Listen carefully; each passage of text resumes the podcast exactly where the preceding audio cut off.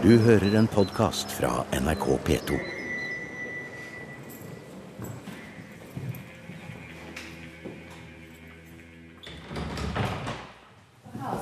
Se her, ja. Sofie Lillestrøm, ja. Og alle lærerinnene som underviste på disse skolene, var jo stort sett ugifte kvinner. Ja. Vi er i trappegangen på Sofie Lindstrøms hus i Rosenberggaten 35.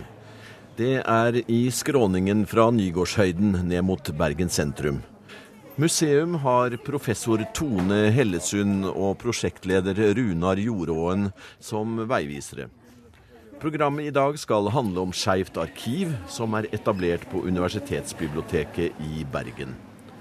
På hvilken måte Peppermøen Sofie Lindstrøm og peppermøbegrepet generelt er relevant i denne sammenhengen, skal vi høre mer om senere i programmet. Nå skal vi til Universitetsbiblioteket og etter hvert inn i det skeive arkivet. Han, han leder på avdelingen her. Han har et prosjekt om illegale aviser. Så vi skal drive publisere på nett. Å ja. Dette er det første arkivet i sitt slag, selvfølgelig, i Norge. Altså det, det har jo vært tenkt på før. Veldig mange som har hatt ambisjoner om at en må ta vare på homohistorien, eller det Ja. som i dag heter LHBT-historien, da. Men eh, LHBT, ja. ja, det er liksom den betegnelsen som blir brukt i dag. Lesbisk, homofil, bifil og transperson. Ja. Eh, Men eh, hvis du går bakover i historien, da, så ser du at det fins veldig mange ulike livsformer da, og identiteter eh, der folk har levd utenfor det normale heterofile samlivet. Og når vi bruker begrepet skeivt arkiv, da, så Ja. snakker vi om de som på en måte har gått på tvers av disse normene på Ja. eller annen, i en eller annen forstand, eh, uten at de nødvendigvis passer inn i dagens eh, homokategori eller transkategori og sånt. Runar Joråen leder Skeivt arkiv. Han er historiker fra Universitetet i Bergen og har forsket mye på skeiv historie. Doktorgraden hans handler om homoseksualitet i norsk psykiatri og psykologi fra slutten av 1800-tallet og fram til 1960. Før det skrev han en hovedfagsoppgave med homoseksualitet som tema, og tittelen var 'Fra synd til sjukdom'. Så når du går bakover i to- historien, så finner du veldig mange ulike typer identiteter. Sodomitter, eh, tvitullinger osv. Tvitullinger, ja. Ja, en tvitulling det er sammensatt av ordet tvi, altså Ja, dobbel, dobbel, ja. og tul, eller tål, som betyr redskap. Så det betyr egentlig et dobbelt redskap. Eh, Så det ble brukt mye om tvekjønna dyr, da. Spesielt geiter, visstnok. Men etter hvert så ble det òg brukt om personer da, som en ikke helt klarte å plassere da, i den ene eller andre båsen. Om de bare var en, en mann som var litt feminin, f.eks. Så det er et begrep som har lange røtter da, i egentlig hele Norden. En eh, ikke pen betegnelse, for å si det sånn. Nei, det var nok ikke en betegnelse som ble omfavna av de som, eh, de, som, de som følte seg i den kategorien, men, eh, men det var nok mer et skjellsord, da. Det at eh, arkivet har havna i Bergen, eh, hvilke årsaker har det? Det er kanskje først og fremst at eh, Tone Hellesund, som starta prosjektet, eh, hadde base i Bergen og på Universitetsbiblioteket i Bergen. Og eh, det har òg vært skrevet en del doktorgradsavhandlinger og forska en del på eh, skeiv norsk historie da, i, i Bergen. Så, så det var nok hovedårsaken til, at det da ble liggende i Bergen. Og etter hvert kom òg da eh, Kim Friele med sitt arkiv, og hun ville gjerne at det skulle komme til Bergen og, og til Skeivt arkiv. Så for henne var det òg viktig. Eh, og eh, da har det liksom bare balla på seg, og så sitter vi her og eh, tenker at vi er eh, en god plass å ha det nasjonale dokumentasjonssenteret og arkivet for skeiv historie i Norge. Ja, og Frieles arkiv er av vesentlig betydning for arkivet. Ja da, det var på en måte grunnsteinen da, i, eh, i arkivet. Og det er jo et eh, aktivistarkiv som går tilbake til 50-tallet og, og forteller veldig mye om den moderne historien da, i, i, i Norge. Men etter hvert så får vi jo inn eh, nye arkiver. Eh, vi har fått fra veldig mange aktivister som var aktive på 70-tallet. Som har samla mye verdifullt og unikt materiale. Alt fra bilder til brosjyrer til brev og forskjellige ting. Eh, så etter hvert så, så blir arkivet stadig utvida, og, og, vi får inn en del organisasjonsarkiver da, fra, fra f.eks. organisasjoner knytta til homobevegelsen, men òg f.eks. organisasjoner for transpersoner og transvestitter, og, og i det hele tatt et ganske bredt register av arkiver. da. Har dere lært av noen, eller fått ideen? Vi har jo fått eh, Vi har latt oss inspirere da, eh, internasjonalt. Eh, og vi har jo besøkt f.eks.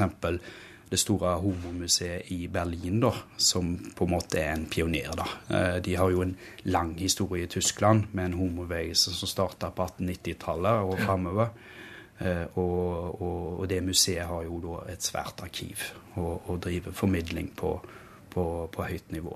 Men det fins også i USA og i en del andre land i Europa sånne arkiver.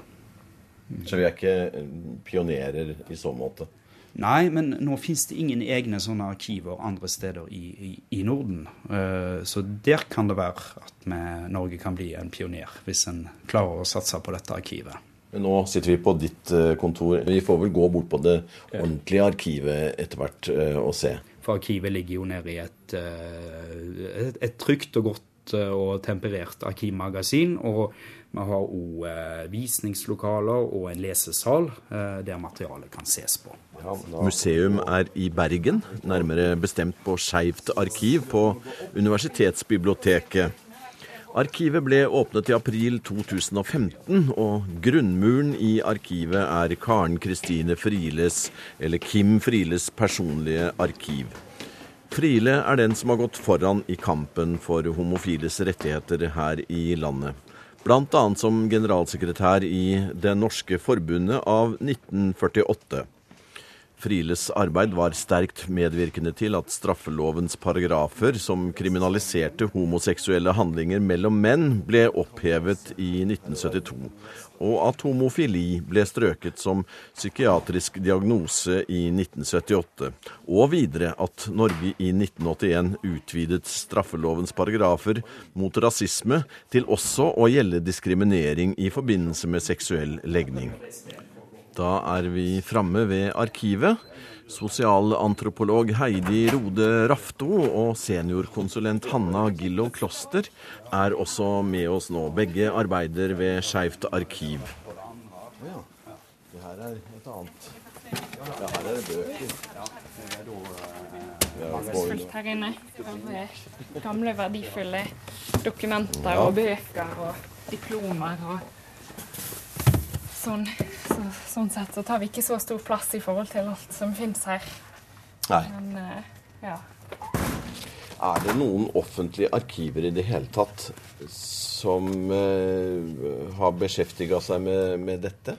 Riksarkivet har en del materiale. De har, har eh, LLH sitt arkiv og mm. Det norske forbundet av 1948 sitt arkiv. Så Kim Friele sitt arkiv her og, og arkivet på Riksarkivet de utfyller hverandre. Ja, på en måte. Og det forblir der?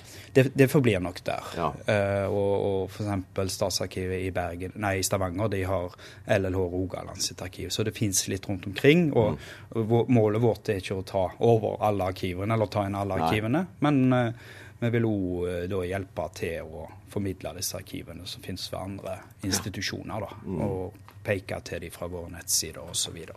Hva vil du si er formålet med arkivet her i, i Bergen da? Formålet her er at vi prøver å få samla inn en del av det materialet som ellers ikke er blitt samla inn. Uh, vi samler òg inn en del organisasjonsarkiver osv. Uh, I tillegg så er vi ikke bare et arkiv. Vi, vi, også, uh, vi samler òg på bøker og tidsskrifter. Uh, vi har et prosjekt der vi intervjuer folk, uh, som er et viktig prosjekt for å få fram alle historiene. De historiene som gjerne ikke er skrevne ned.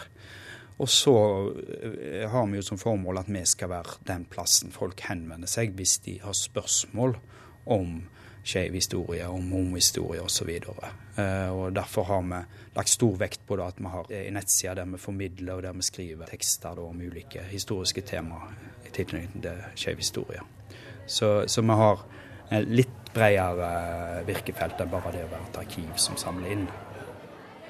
Hvis vi blar litt i den, det er en ganske full, eh, full eske, denne mappen, som da eh, handler om EA, det er altså det som handler om eh, opphevelsen av straffeparagraf Ja. 213. Um, så denne esken har det materialet fra 1953 til 1972. Um, og blant annet så eh, kan vi se en mappe her som heter 'Gratulasjoner om opphevelsen av paragraf 213'. Ja.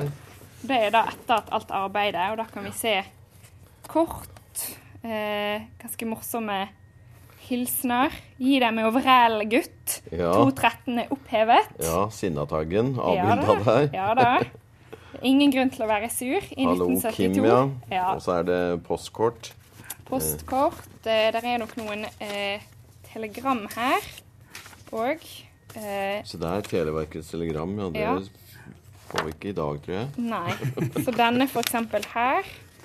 Eh, grattis til resultatet. Kjemper videre mot målet fra Klubb Pedro.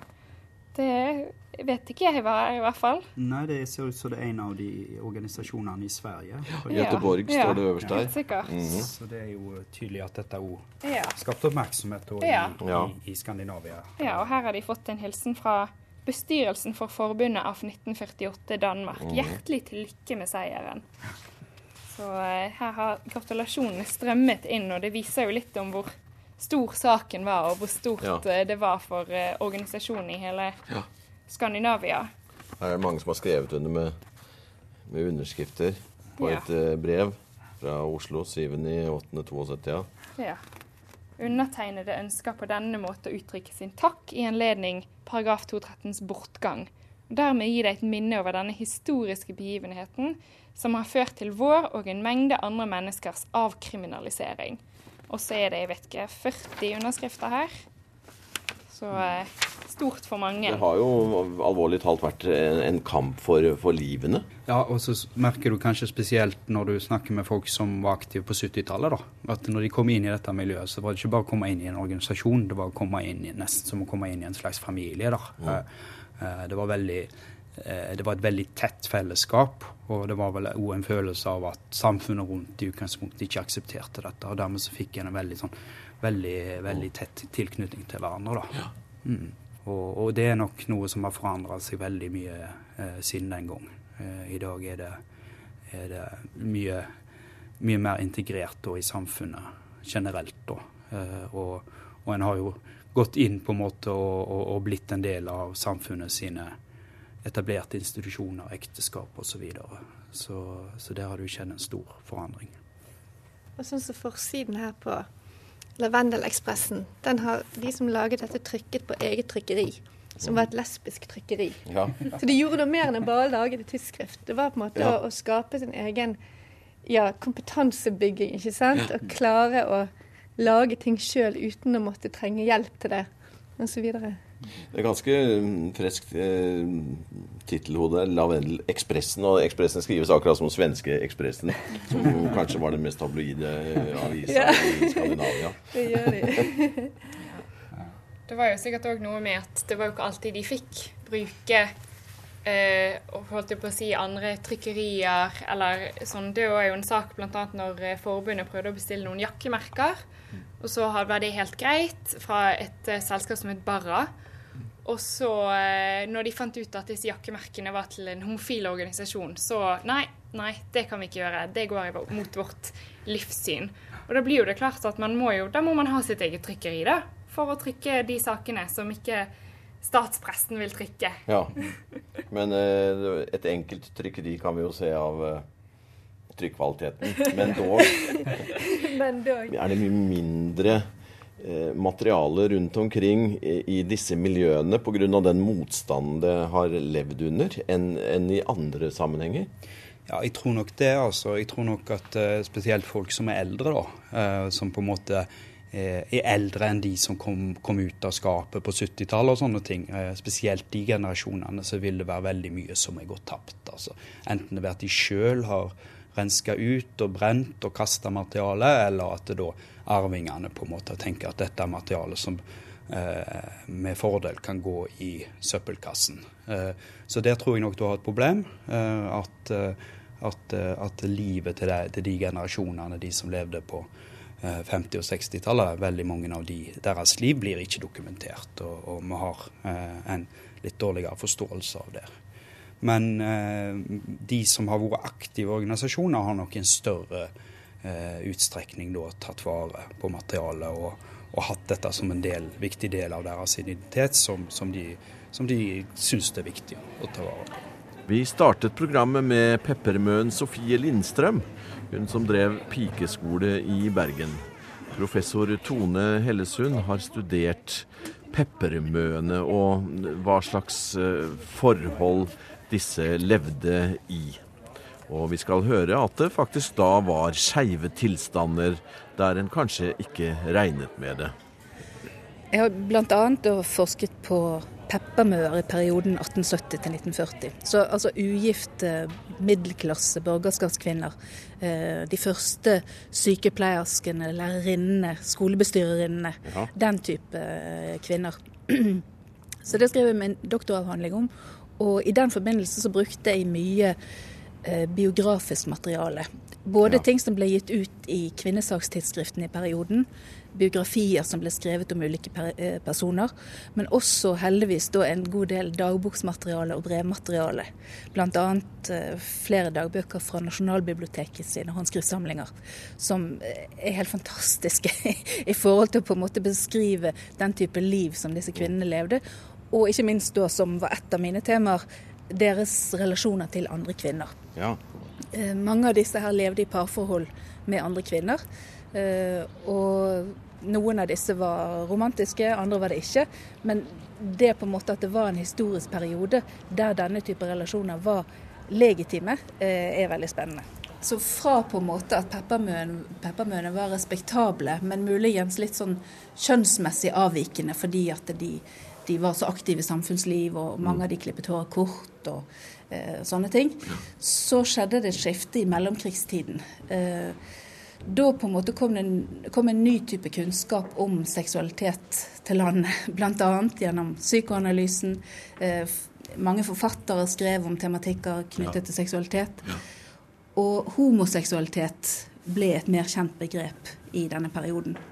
Og frigiditet, seksuell undertrykkelse, den type ting var også noe som folk var opptatt av på en helt ny måte. Ja. Sånn at i den perioden så ble på en måte Peppermøen suspekt på en ny måte. Hun gikk fra å være kjønnslig suspekt til noe å bli seksuelt suspekt. Så enten så tenkte man da frigiditet og seksualangst og den type patologi. Ja. Eller så tenkte man da eh, homoseksualitet, ja. som selvfølgelig også var en alvorlig avvikelse. Eh, sånn at, at uh, Iallfall i visse kretser da, så ble på en måte Peppermøen en problematisk skikkelse på, på nye måter, og nå knyttet til seksualitet. Kvalte det hele den eh, den gruppa og den posisjonen de hadde? Nei, det gjorde ikke det. For det, det som på en måte om de opplyste forfatteren forfatterne og psykoanalytikerne i Oslo var opptatt av, det var selvfølgelig ikke noe som hele befolkningen var opptatt av. Nei. Sånn at denne type peppermø-par mm. er jo noe som har levd nesten fram til vår egen tid. Ja, riktig. Eh, jeg intervjuet en del eldre damer på 1990-tallet som hadde da levd ugift hele sitt liv. Eh, som da var i 80-årene når jeg intervjuet dem. Og flere av de sa at det er først nå at noen liksom begynner å mistenke meg for å være lesbisk. Det er aldri noen som har tenkt Nei. på det før, eller spurt om det før, eller den type ting. Sånn at, eh, at man kunne godt leve som peppermøpar langt utover på 1900-tallet. Men uskylden på en måte var litt, begynte å gå litt i oppløsning allerede da i mellomkrigstiden. Vi har tidligere i programmet hørt om straffeloven som fram til 1972, under visse forutsetninger, forbød homoseksuelle handlinger mellom menn. Fikk denne straffebestemmelsen noen praktisk betydning? Jeg tror, jeg tror, det har hatt veldig stor, stor, betydning, selv om den norske straffeparagrafen var eh, begrensa. At en, en skulle, skulle bare eh, pådømme det da, i bestemte tilfeller der det hadde vært offentlig forargelse, eller der den ene parten da var under 21 år. Så i praksis så fungerte det kanskje litt som en høyere seksuell lavalder da, enn en for heterofile forhold. Eh, men vi har, eh, så vi har ikke veldig mange saker, men vi har en veldig stor sak i Bergen i 1938, mm. der det var hele 100 eh, menn som ble etterforska etterforska for dette. Og, og 34 av de ble da dømt for å ha hatt seksuelle forhold til andre menn. Og det var en sak som vakte stor oppmerksomhet, ikke bare i Bergen, men i hele landet. Så liksom ordet homoseksualitet det sto på alle eh, avisforsider da, i, i, en periode da, i, i, i 1938. Og eh, liksom materialet fra denne rettssaken det ligger på Statsarkivet i Bergen, eh, i liksom politiet ja. sitt, sitt, arkiv der. Ja. Og da har vi eh, tre-fire hyllemeter med materiale der du får liksom et detaljert innblikk i hva som hadde eh, foregått. da. Og det som er interessant, er at du får ikke bare et innblikk i, i selve rettssaken, men du får også et innblikk i det som fantes av møtesteder, og, og hvordan disse mennene oppfatter sin egen seksualitet og sin egen legning og sånne ting. Så, så, så den saken kan få på en måte et eksempel da, på hvor mye du faktisk kan eh, lese ut da, av en enkeltsak og, og mm. prøve å forstå noe av den kulturen som har vært, og, og, og hvordan folk da har levd sine liv. Kirken har opp gjennom tiden til stor del lagt premissene for hvordan de seksuelle minoritetene er blitt behandlet. Kirken sliter fortsatt med sitt eget selvbilde i forhold til dette temaet, og er dypt splittet. Skeivt arkiv har mye kirkestoff, sier professor Hellesund. Kirken har klart spilt en stor rolle i forhold til skeiv historie, fordi at det er på en måte kirkens normer og lovverk som har dannet utgangspunktet for mye av vår kulturs ja. holdninger i forhold til homoseksualitet. Uh, og hvis vi går tilbake igjen til 1400-1500-1600-tallet, så hadde du da domkapitelene som var kirkedomstoler som dømte i sedelighets, ulike sedelighetsspørsmål. Uh, og der finner vi også uh, skeiv historie, både Eh, eksempler på overskridelse i forhold til kjønn. Du finner noen ekteskapssaker der det ble eh, avslørt at det var to kvinner som var gift istedenfor en mann og en kvinne osv. Og, og du finner på en måte ulike spor etter uh, skeiv historie der. Og så selvfølgelig har du nyere historie. Der ja. i Kim Friele sitt arkiv så så spiller nok Kirken en overraskende stor rolle. Det er veldig mye stoff hun har samlet inn som berører Kirkens forhold til homoseksualitet fra 1950-tallet og framover. Ja, nå passerer vi akkurat utenfor Johanneskirken. Rød murstenskirke her. Den delen av, materialet til eh, Friele, hva, hva består det i da? Det består i mye mediemateriell. Hun har jo samlet uh, avisutklipp om alt som har hatt noe med homoseksualitet å gjøre. Ja. Og der finner du at Kirken spiller en overraskende stor rolle i mediematerialet. Ja. Men også da korrespondanse i forbindelse med flere av de ulike sakene som har vært tatt opp osv. Ja. Nå har du vært inne i et, eh, et hvelv. Ja. Har med eh, sånn midlertidig lagring av eh, arkivmateriale på lesesalen. da. Mm -hmm. Så, sånn at det trygt. Temperaturkontrollert. Ja. ja, her er det riktig forhold, ja. Eller inni den. Ja, inni ja. Så, nei, tenkte, Nå har vi funnet fram litt bokser fra Friles arkiv, men vi har også funnet fram en, et tidsskrift da, fra 1787 som heter Samleren.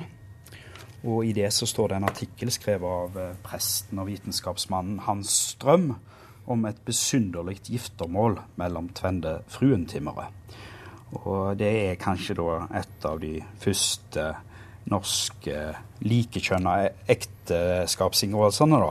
Og det ble da altså inngått i 1777, var det vel. Hvor var det?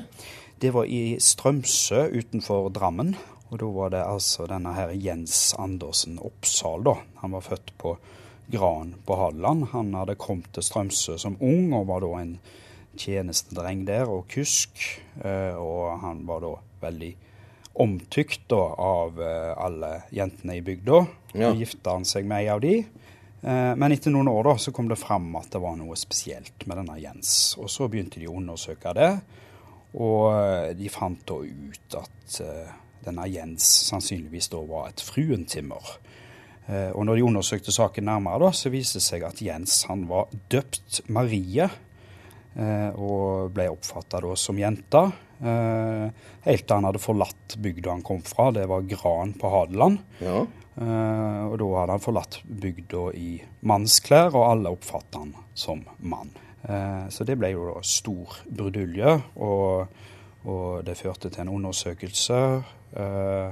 Men det enda faktisk da med at Jens klarte å rømme fra Jens, da, eller Marie, som han var døpt, ble da, klarte da å rømme fra arresten. Eh, så det var liksom Så han var da gift ja. med med, med, med denne Anne Kristine, da, Ja. som, fra Strømsø. Eh, så, og alle var da sikre på at dette var en mann. Men eh, så Så var det ikke det, nei. Nei, tydeligvis ikke, da. Hva slags bok var det? Det var en fin liten Det er fra et tidsskrift som heter Samleren, da. Samleren, og den er bundet inn. Er det flere Det er flere tidsskrifter ja. i én? Ja, det er flere da, utgaver av tidsskriftet innbundet i ett et, bind. da. Uh, Jens sjøl, da. Uh, de spurte han er du mann eller er du kvinne. Uh, og da mente han, eller hen, eller hva vi skal kalle det, Ja. at han trodde nok at han var begge deler. Så interessant historie.